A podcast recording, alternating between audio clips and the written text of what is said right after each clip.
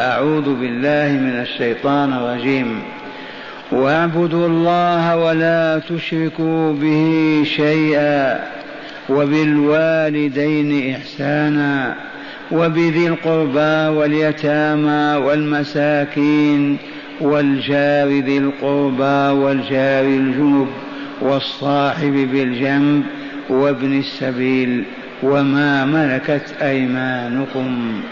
إن الله لا يحب من كان مختالا فخورا.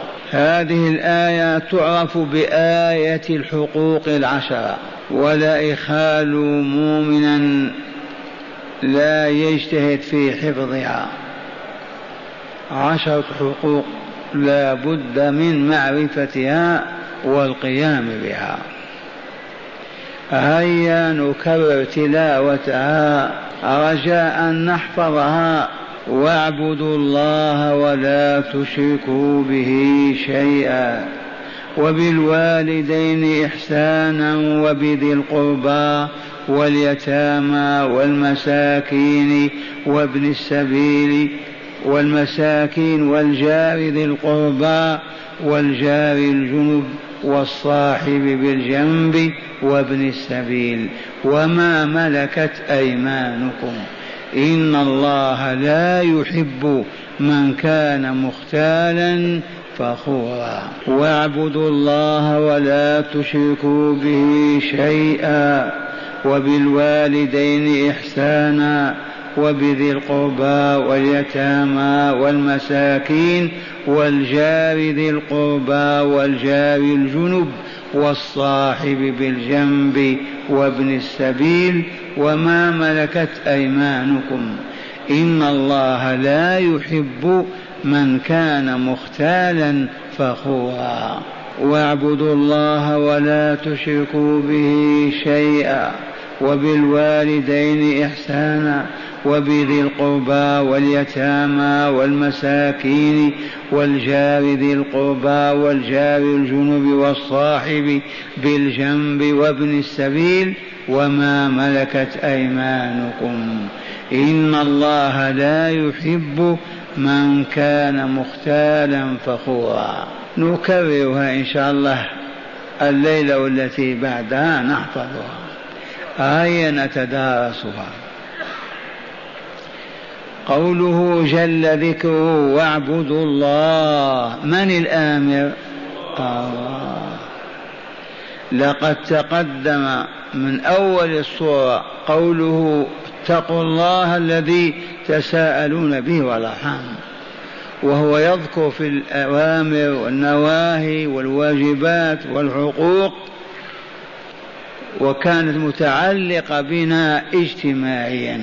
أولا تذكرون أن أموال اليتامى محرمة وأن السفيه لا يعطى ماله حتى يرشد وأن الله قسم المال مال التركة قسم لا تضاهي قسمة. إذ الله أعدل وأرحم. وحرم علينا المناكح المحرمة إحدى وعشرين مسألة.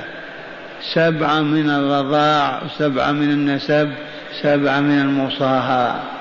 إذا وحرم علينا إيذاء المؤمنات وأعطانا تعاليم لإصلاحهن إن كن زوجات. وآخر ما علمنا إذا حصل نشوز أن يتدخل أولو البصيرة والمعرفة من أقرباء الزوج والزوج ويعملان على إذهاب ذلك النشوز وعلى إصلاح الشقاق. والآن عطف على تلك التعاليم قوله واعبدوا الله أولا من هو الله؟ لا بد من معرفته. كيف تعبد من لا تعرفه؟ لا بد من معرفة. الشيء يعرف بماذا؟ بأسمائه وصفاته وإلا لا وأفعاله. شخص في طوكيو. عرفته كيف؟ اسمه عثمان. كذا. يسمع ويبصر. حاذق لبيب صانع كذا بصفاته. بطل عرفته. هل عرفته بذاته عرفته بأسماء وصفاته أو لا بد من معرفة الذات حتى تعرف الشخص؟ أيعقل هذا الكلام؟ أو ما فهمتم شخص في السويد اسمه صالح. لو أخبرت عنه تقول عرفني به. يقول إنه شخص كريم رحيم ذكي ذو علم بصيرة شرف قوي اسمه عثمان أبوه اسمه كذا. تعرفه بالصفات وإلا لا؟ أو حتى ترى ذاته؟ إلا إذا مسخت البشرية. فالله عز وجل عرفناه بأنه خالق هذه العوالم كلها.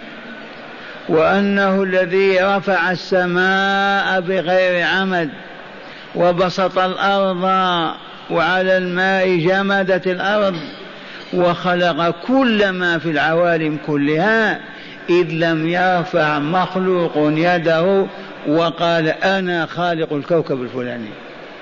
فيه؟ أو أنا خلقت الإقليم الفلاني. كل الخليقة طأطأت رأسها من الخالق؟ لا بد من وجوده.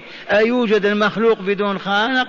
إذا فقدنا عقولنا عقولنا وأصبحنا مجانين. أبسط من هذا. أعطني قلمك. هذا القلم موضوع. من يستطيع أن يأتي بالمنطق والذوق والعقل والفطرة وهو ويقول هذا القلم والله ما وضعه أحدنا. هذا وجد من نفسه. فيه فكر. إذا وكوكب الشمس الذي أكبر من الأرض بمليون ونصف مليون مرة ما أوجده أحد. قلم ما تسلم أنه وجد بدون موجد. والكواكب والسماوات والأرضون وأنت تعرف أنه ما ادعى وجودها كائن أبدا سوى الله. فلهذا معرفة الله ضرورية واضطرارية. هذا الله الذي وهبك عقلك وسمعك وبصرك وهبك حياتك وهبك أمك وأباك وهبك هذه الحياة كلها. ما اسمه؟ الله. هل له اسم غير الله؟ تسعة وتسعين اسم. وصفاته من أسمائه. هذا الله الذي عرفناه أمرنا أن نعبده واعبدوا الله. هيا نعبد الله. بما نعبده كيف نعبده في أي مكان في أي زمان كيف نعبده آمنا به أمرنا أن نعبده لكن كيف نعبده الجواب تعلموا اسألوا أهل العلم عن كيف يعبد الله وبما يعبد ويجب أن تسأل وتعلم حتى تعبد الله فتطيعه في أمره لك بقول واعبدوا الله. فمن هنا معرفة الله أولا. ثم طاعته ثانيا. يطاع في ماذا؟ فيما يأمر باعتقاده أو قوله أو فعله.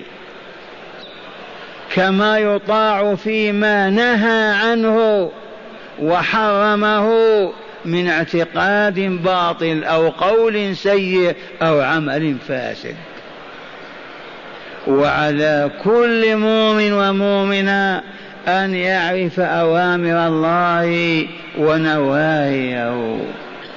وإن ركب رأسه قال لست في حاجة إلى هذا فمصيره ماذا؟ الخسران المبين.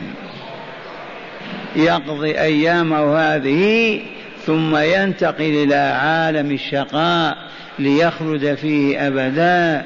يفقد فيه كل طعم للحياة.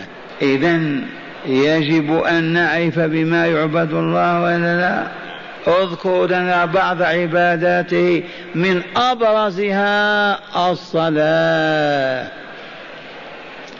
لأن الصلاة عبارة عن مناجاة الإله في أماكن طاهرة. تتحدث معه تعرض حاجاتك وتدلي بأهدافك وأغراضك تسبحه وتكبره تعظمه في أوقات معينة خمس أوقات في الأربع والعشرين ساعة. وأنت طاهر كامل الطهر وفي مكان طاهر تلتقي بمولاك وأنت بين يديه وقد نصب وجهه لك وهو والله يراك. أكثر مما ترى نفسك أنت ويسمع كلامك. جهرت به أو أسررت.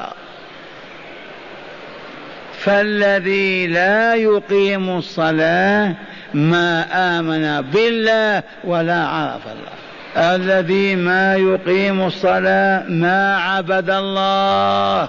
فإن قال أنا أصوم رمضان في العام يصوم شهرا وينقطع. قال أنا أحج في الدهر كله حج مرة. لو كان الإسلام فقط هكذا كل الناس يسلمون اليهود النصارى كلهم. ما يصوم شهر في السنة يصوم. يحج مرة بيت الله.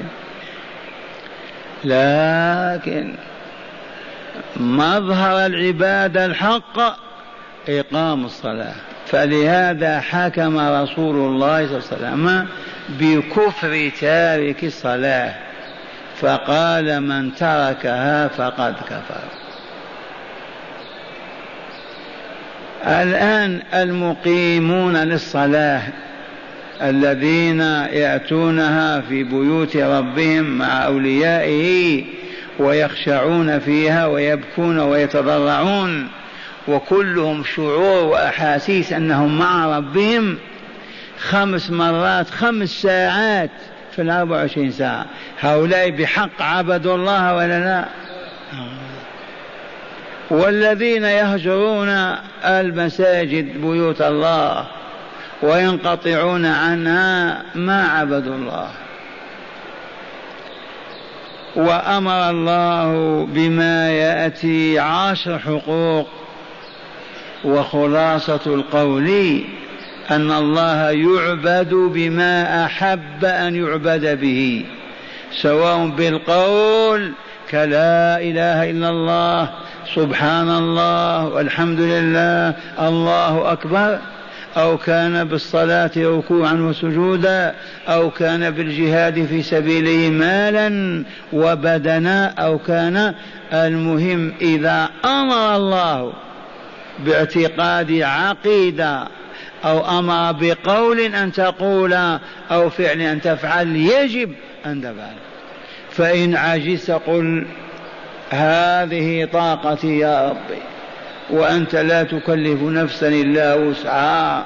فاعف عني ولا تواخذني والله يكره كلاما كثيرا وصورا عجيبة وأعمالا يكرهها يبغضها ويبغض أهلها.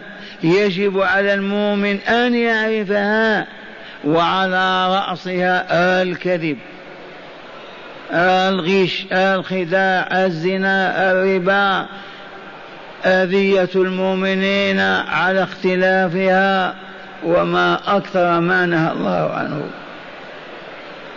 فمن أراد أن يحقق هذا فليعرف ما يعبد به ربه. واعبدوا الله أي بطاعته مع حبه وتعظيمه مع الذل له والصغار بين يديه. لا تصلي وأنت تتعنتر. لا بد وأن تكون منكسرا لينا ذليلا بين يديه. وكذا الحال إذا سألت إذا طلبت لا تقل أعطني. العبادة طاعة الله بفعل ما أمر وترك ما ينهى مع التعظيم والذل والانصغار بين يديه.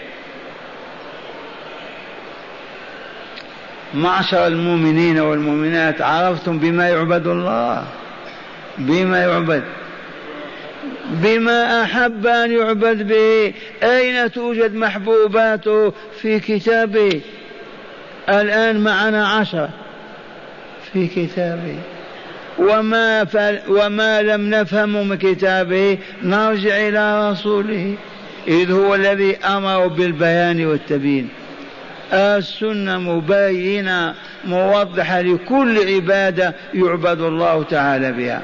مبينة للوقت وللكيفية والكمية والعدد. فعل الذين دخلوا في الإسلام بكلمة أشهد أن لا إله إلا الله وأشهد أن محمد رسول الله أن يعرفوا ما يعبدون به الله فعلا وتركا ويعبدونه به. وإلا لا نجاة ولا سلامة. واعبدوا الله. هذا أمره وإلا لا؟ من قال لا لا لا. ارتد كفر هلك وإلا لا؟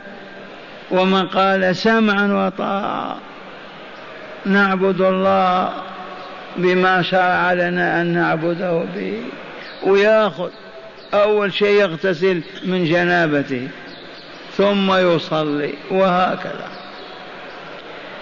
وقوله ولا تشركوا به شيئا هذا نهي ولا لا؟ الأول أمر وهذا نهي. ومن هنا عرفنا أن العبادة تدور على الأمر والنهي. الأمر يفعل والنهي يترك ويجتنب واعبدوا الله ولا تشركوا به شيئا. وهنا معشر المستمعين والمستمعات تذكرون أن العرب في جاهليتهم كانوا مؤمنين بالله. والله العظيم. ما كانوا بلاشفة حمر شيوعين ولا علمانيين ولكن كانوا يؤمنون بالله ويشركون به غيره فكانوا مشركين. والدليل يحجون والا لا؟ يحجون ماذا؟ بيت الله يطوفون به والا لا وتتبع أيمانهم تجد جلها أكثر يحلفون بالله. قل ما يحلفون بالله والعزى أكثرهم يحلف بالله تعالى. وينذرون النذور لله عز وجل. إذا فما هو الشرك الذي حرمهم من رضا الله وجواره في الجنة؟ إن ماتوا عليه. ما هو الشرك الذي أمر الله رسوله أن يقاتلهم من أجله حتى يتخلوا عنه ويبتعدوا منه؟ لأنه في الحقيقة ظلم من افظع أنواع الظلم. ونعم. الشرك ظلم والمشرك ظالم. ما وجه ذلك يا شيخ؟ اسمع يا عبد الله. الله جل جلاله وعظم سلطانه. أراد أن يعبد بالذكر والشكر. فهيأ هذه الأرض وأعدها إعداد النزل والفندق. ثم خلق آدم بيديه ونفخ فيه من روحه وخلق أنثى حواء من جنبه وأهبطهما وبارك في نسلهما فأصبحوا الآلاف والملايين لما فعل هذا من أجل أن يعبد. من أجل أن يذكر ويشكر. ثم هذا الذي أنزله من السماء وأكرمه في الأرض هذا يجب أن يعترف بحق الله عليه. أطعمه سقاه رباه كلأه حفظه علمه بصره سخر كل شيء في الأرض له. من أجل أن يعبده. فإذا لم يعبده بالمرة ماذا تقولون فيه؟ كافر ملعون لا خير فيه لأحد من الناس إذا كفر خالقه ومنع حق مولاة لا خير فيه. وإذا كان يعبد معه غيره ما يعبد الله به يعبد به أيضا غير الله. أشرك وإلا لا؟ أشرك.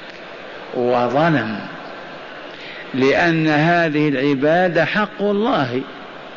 استحقها بخلقه لك وخلق كل شيء من أجلك. فإذا أنت صرفتها لغير ظلمت وإلا لا؟ ظلمت. فلهذا قصة في القرآن الكريم. كان في من قبلنا عبد صالح.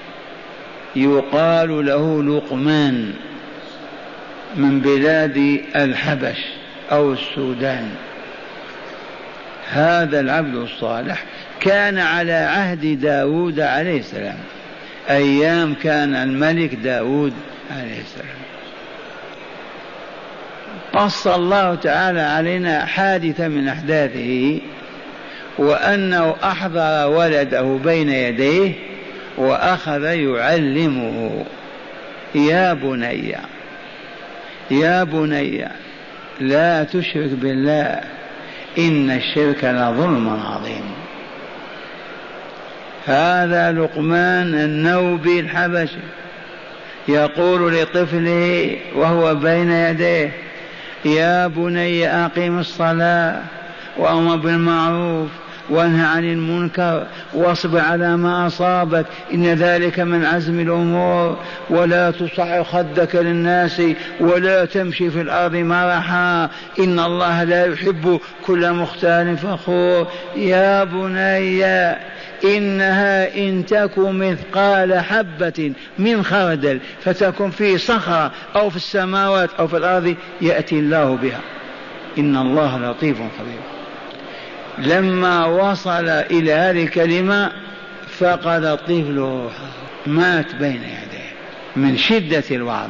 ثبات إذا من جملة ما كان في هذا الوعظ يا بني لا تشرك بالله. لم يا أبتاه؟ إن الشرك لظلم عظيم. من منكم يعرف معنى الظلم هنا؟ الظلم وضع الشيء في غير موضعه وإلا لا والعباده حق من؟ من خلق ورزق. من أجل أن تعبده خلقك ورزقك فتعبد غيره بتلك العبادة. أي ظلم أعظم من هذا الظلم؟ وإن ظلمت إبراهيم وإلا خديجة ممكن لكن تظلم ربك تأخذ حقه يا عاجز.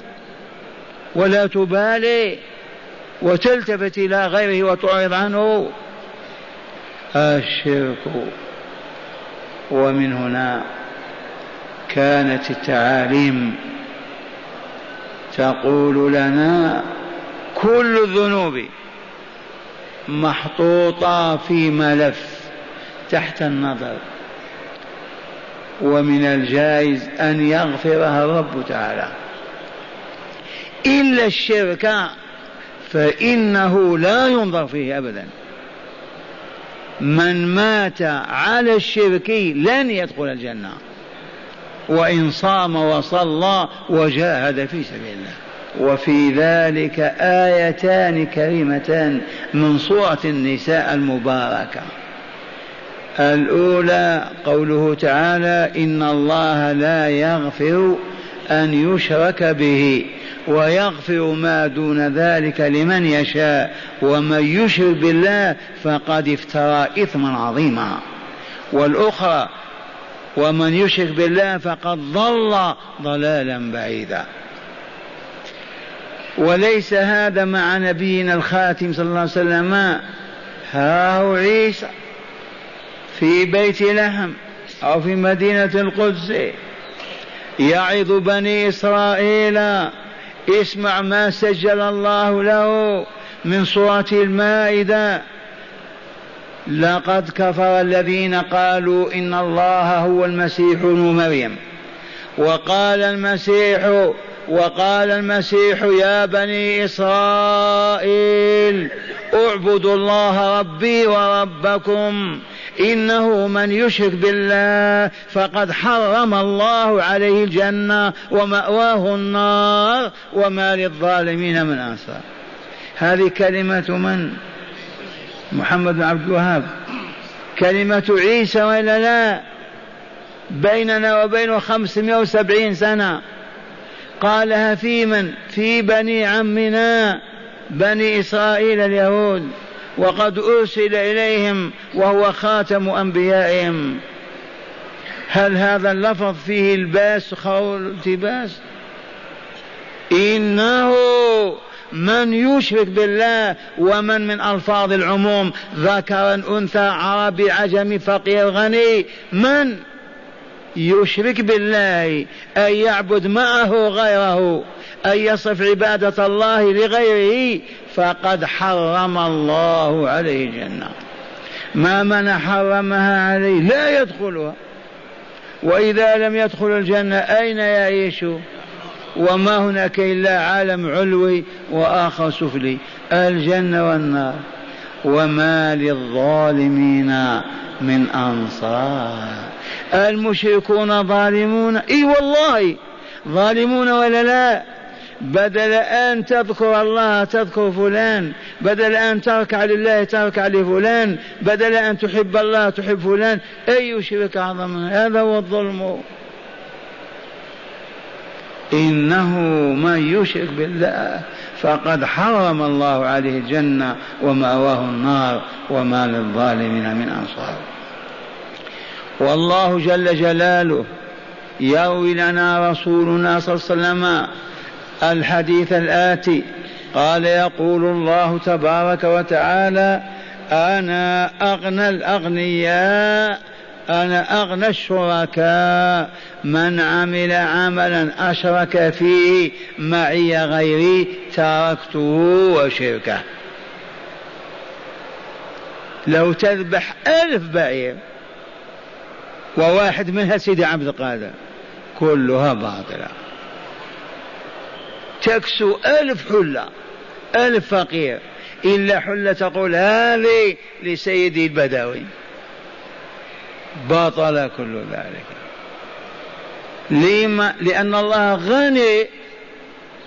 ما دمت التفت إلى غيره وأعطيته معه ما في حاجة إلى حللك ولا إلى جمالك وبعيرك أبدا. إما أن تخصه وحده وإلا اذهب أنت وما تريد. أنا أغنى الشركاء عن الشرك. من عمل عملا أشرك فيه معي غيري تركته وشركا. فلا ثواب. وأيام الجهل يأتي الرجل عندنا في الحي في القرية يغرس مئة نخلة. يقول هذه نخلة سيدي عبد القادر. ولا يجعل لله نخلة. والله العظيم. يجي يغرس الزيتون أميات شجرة وهذه شجرة سيدي مبروك أو سيدي أحمد. والله ما يجعل له شيئا أبدا. من أين حصل هذا؟ يا معشر المستمعين أنتم على علم ما أقول وإلى ما أنا بمفصح. يشتري قطيعا من الغنم. الشتاء فيه أمطار الربيع هذا سعيد. يشتري له خمسين نعجة حتى تلد ويغنم منها ويربح. يقول هذه النعجة لسيد فلان. لم ليحفظها؟ لتبارك وتنمو. كما يقول صاحب النخل والزيتون. كيف عرفوا هذا؟ هذا موجود في القرآن في السنة في الفقه. هذا يمليه عليهم أبو مرة. لعنة الله عليه. من أبو مرة؟ إبليس. يكنى يكنى بأبي مرة بإجماع المسلمين. لا تشك به لقد علم هذا العرب في الجاهلية قبل الإسلام وجعلهم إذا غرسوا غرسا يجعلون منه للآلهة. وإذا اشتروا قطيع من الماعز والغنم كذلك. وإذا حرثوا كذلك. أين جاء هذا؟ جاء في سورة الأنعام. واسمعوا أتل عليكم الآية وتأملوا. قال تعالى وجعلوا لله مما ذرأ من الحرث والأنعام نصيبا. فقالوا هذا لله بزعمهم وهذا لشركائنا. فما كان لله فلا فما كان لشركائهم فلا يصل إلى الله. وما كان لله فهو يصل إلى شركائهم. ساء ما يحكمون. قبح الله هذا الحكم ولا لا؟ فتأملوا. وجعلوا لله مما ذرأ. ما معنى ذرأ الذال والراء الهمزة؟ ذرأ أي خلق. ومنه الذرية. ذرأ خلق. وجعلوا لله تعالى مما خلق من الحرث والأنعام نصيبا. الحرث ماذا؟ نخل زيتون كل ما يحرث ويزرع. والأنعام ما هي؟ الإبل البقر الغنم جعلوا لله منها نصيب ولا لا؟ الحمد لله عرفوا الله أحسن منا. بالفطرة قل هذه نخلة سيد مولاي خالقي وهذه للعزى. تبهتم والعيب الذي أصابهم ما هو؟ أنهم إذا نخلة الله أطلعت وأثمرت. ونخلة العزى هذا العام ما أنتجت ماذا يفعلون؟ يأخذون حق الله يعطوه للعزى. قل والله غني ما هو في حاجة. هذه الناقة ناقة اللات. وهذه الناقة ناقة الله. إذا ناقة الله ما أنتجت وناقة اللات أنتجت ما يأخذون؟ يقول والله ما في حاجة إلى هذا. أما إذا ناقتهم ما أنتجت يأتون بحق الله ويعطوه إياها. واسمع الآية. وجعلوا لله مما ذرأ من الحرث والأنعام نصيبا. حظ ولا لا؟ فقالوا هذا لله بزعمهم لأن الله ما أمر بهذا ولا أوحى إليهم. بزعمهم وكذبهم. هذا لله وهذا لشركائنا. فما كان لله فما كان لشركائهم فلا يصل إلى الله أبدا. ما يتحول إلى الله. وما كان لله فهو يصل إلى شركائهم ساء ما يحكمون. قبح هذا الحكم. إذا ولما دخل الناس في الإسلام وفقدوا نور القرآن وهداية محمد صلى الله عليه وسلم وغشاهم الجهل وغطاهم جاء إبليس وعادهم إلى ما كان عليه أجدادهم. إلا أن هناك فضيلة عند المشركين محروم منها المؤمنين. ما هي؟ ما بينت لكم. يغرس البستان. ما يقول هذه النخلة لله؟ يقول هذه النخلة سيدي عبد القادر. يحرث هذا الفدان لمن؟ لسيدي أحمد البدوي ما يجعل آخر لله. كذا ولا؟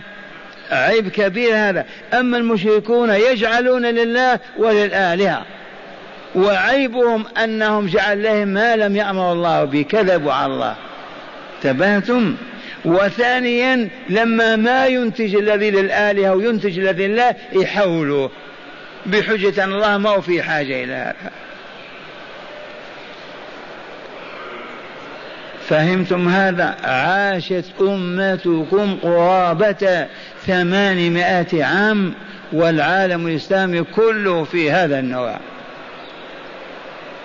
عرفتم؟ لكن أهل العلم بعيدون عن هذا. لكن ما ينكرون ولا يفهمون. والحمد لله فتح الله علينا ولا وعرفنا الطريق إلى الله.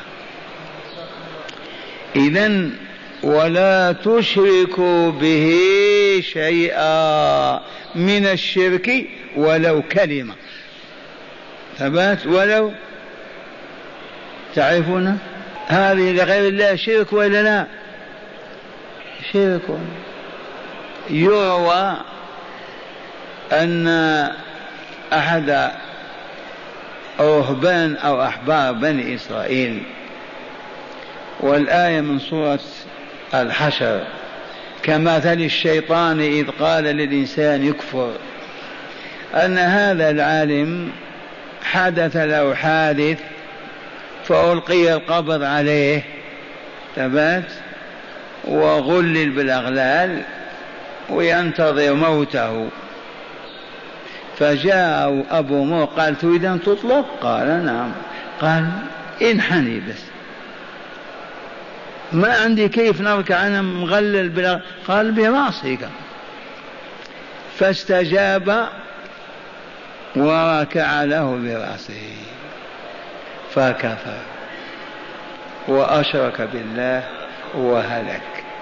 كمثل الشيطان إذ قال للإنسان يكفر فلما كفر قال إني بريء منك إني أخاف الله رب العالمين. والشاهد عندنا بسم الله نستعرض أنواع الشرك. واحفظوا. ومن شك لا يسأل الجهال يسأل أهل العلم. نبدأ بالانحناء بالركوع. هذا الركوع لله هو الذي تنحني له الجباه. فمن ركع تعظيما لميت أو حي فقد اشركه مع الله عرفتم؟ تسلم على أميرك على مليك على قائدك وأنت رافع رأسك. أما أن تركع على الركوع لله. عرفتم هذه ومن مظاهر هذا الركوع فيه لعبة ينسبونها إلى الفيلبيين وإلى من؟ رياضية لما يفرغون منها يركعون كلهم للرئيس. ركوع كامل رأيناهم. عرفتموها؟ الكراتين. هم كفار مجوس شأنهم. أما أبناء الإسلام وأولاد المسلمين يركعون لغير الله في هذه الألاعيب نهيناهم عن الانحناء للملك للسلطان للباي الذي يملك. ونسمح به يركعون للهو والباطل. إن شاء الله ماتت هذه. أو ما زالت. قال توجد بقلة في العالم الإسلامي. فعلموا أنها من الشرك والعياذ بالله. ثانيا السجود وضع الجبهة على الأرض. كان العرب وكان الجاهل أهل الجاهلية يعظمون من يعظمون بالسجود وأرادوا أن يسجدوا للنبي صلى الله عليه وسلم. تبهتم. فرفض وأبى وقال تلك القول الخالدة. لو آمرت أحدا بأن يسجد لأحد غير الله لآمرت المرأة أن تسجد لزوجها. لما يرى له عليها من حقوق وواجبات. ولكن لا سجود إلا لله رب العالمين. في بعض ديارنا العربية كانت بدعة عظيمة. إذا جاء الزوار للضريح الفلاني ما يأتون قائمين يأتون ركعا وسجدا يزحفون تعظيما لسيد فلان. ووالله لولا أن الله حمى هذا القبر الشريف برجال يحمونه لرأيتم العجب. من الجهال والضلال يطوفون طواف. لو يسمح لهم بالطواف سبعين طوفة يطيفون. ما يعرف هذا دين هذه بدعة هذا ج... لا لا لا هكذا. أما السجود والركوع من كل جانب وهو ساجد ركع لأنهم ما علموا ما عرفوا. الشياطين تدفعهم الشياطين تزين لهم الباطل. تغريهم بما يضلهم ويبعدهم عن الله وليس جانب آخر من العلماء الربانيين يعلمون ويحذرون ويبينون. فيغلب جانب الشيطان لأنه ماضي قوي يفعل هذا الذي حصل. عرفتم الركوع والسجود وإلا لا؟ ثالثا الدعاء. الطلب. سؤال الحاجة. إذا سألت إذا طلبت من يسمعك إذا قلت يا فلان ويراك لأنك أمامه ويقدر على أن يعطيك أذن الله لك في ذلك. اسأل. فقط لا تذل وتنكسر وترتعد ويسيل لعوابك كأنك أمام الله. اطلب بأدب واحترام فلان نريد كذا. على شرط أن يكون من تدعوه يسمعك. كذا ولا لا؟ أرأيت لو كنت تدعو أصم يضحك عليك الناس ولا لا؟ يا فلان يا فلان. أنت مجنون هذا ما يسمع. يسمعك ويراك أين أنت حتى يمد يده لك ويعطيك. لا بد وأن يكون ك... ويقدر على أن يعطيك. ويكون هذا الذي تسأله أيضا قادر على العطاء يملك ما يعطي. لو أنك تأتي إلى خريبة من الخرائب ما فيها ساكن ولا شيء توجد خرائب ولا لا؟ وتقف أنت أمام الخرابة يا أهل البيت يا أهل الدار أخوكم جائع من ثلاثة أيام مدوا يده نسائلكم بالله وتأمر به أنت. ماذا تقول له؟ قل له يا عبد الله أنت مالك؟ ما في هذه الخرابة أحد يسمعك ولا يعطيك وليس فيها أحد. اسأل الذي يعطيك إذا سمعك صوتك وعرف حاجتك. إذا فمن هنا دعاء وسؤال الأضرحة وأهل القبور سواء كانوا سادة أو دونهم من عبد القادر الجيلاني إلى الشيخ البدوي فليضحك المصريون. أما سيدي عبد القادر هذا إله الأبيض الأسود تبهتم؟ يا سيدي عبد القادر يسوق السيارة لما يحصل الارتجاج يا سيدي عبد القادر لا إله إلا الله. دعني من سيدي عبد القادر. يا رسول الله ما في فرق. أنت تسوق سيارتك وخرجت بك عن الطريق وفزعت. ماذا تقول؟ يا الله يا الله يا ربي. لا يا رسول الله يا رسول الله يا رسول الله. يسمعك رسول الله. عالم بك أنك في طريق ينبع. قادر على أن يمد يده إليك. لا لا لا لا. إذا ماذا السؤال هذا؟ تلعب يعني؟ تعبت. اسأل الذي يراك ويقدر على إعطائك وإنقاذك وهو معك أينما كنت. الله جل جلاله وعظم سلطانه. لو يفكر إخواننا المسلمون بتفكير عقل حقيقي والله ما بقي من يدعو الأولياء أبدا. يعرف أنه ميت ولا لا لا يسمع كلامه ولا بدنه وذاته ولا يعرف حاجته وإن فرضنا عرف يستطيع أن يمده بشيء. والله ما من يمده؟ الله. إذا مباشرة بالله. لم تذهب إذا عن الله؟ رأسا سل الله. هذا الدعاء. وهو مخ العبادة وهو العبادة من سأل غير الله ممن لا يسمعه ولا يراه ولا يقدر على إعطائه وإمداده فقد أشرك أعظم الشرك. لأنه سلب صفات الله وأعطاها لهذا المخلوق الميت. وجعله مثل الله يسمعه ويبصره ويراه ويقدر على إعطائه.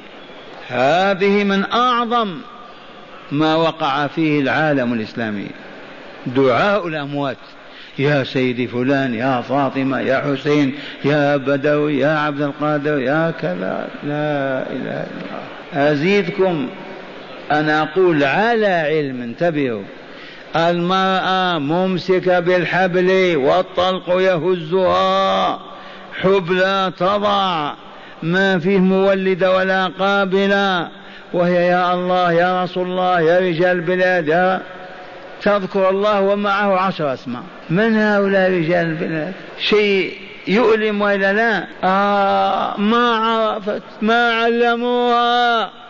لو علموها لأعلموها أنه لا يسمع صراخها ولا يقدر على إنقاذها إلا الله خالقها. أو ممرضة أو مقابلة تستدعي تعالي لا بأس.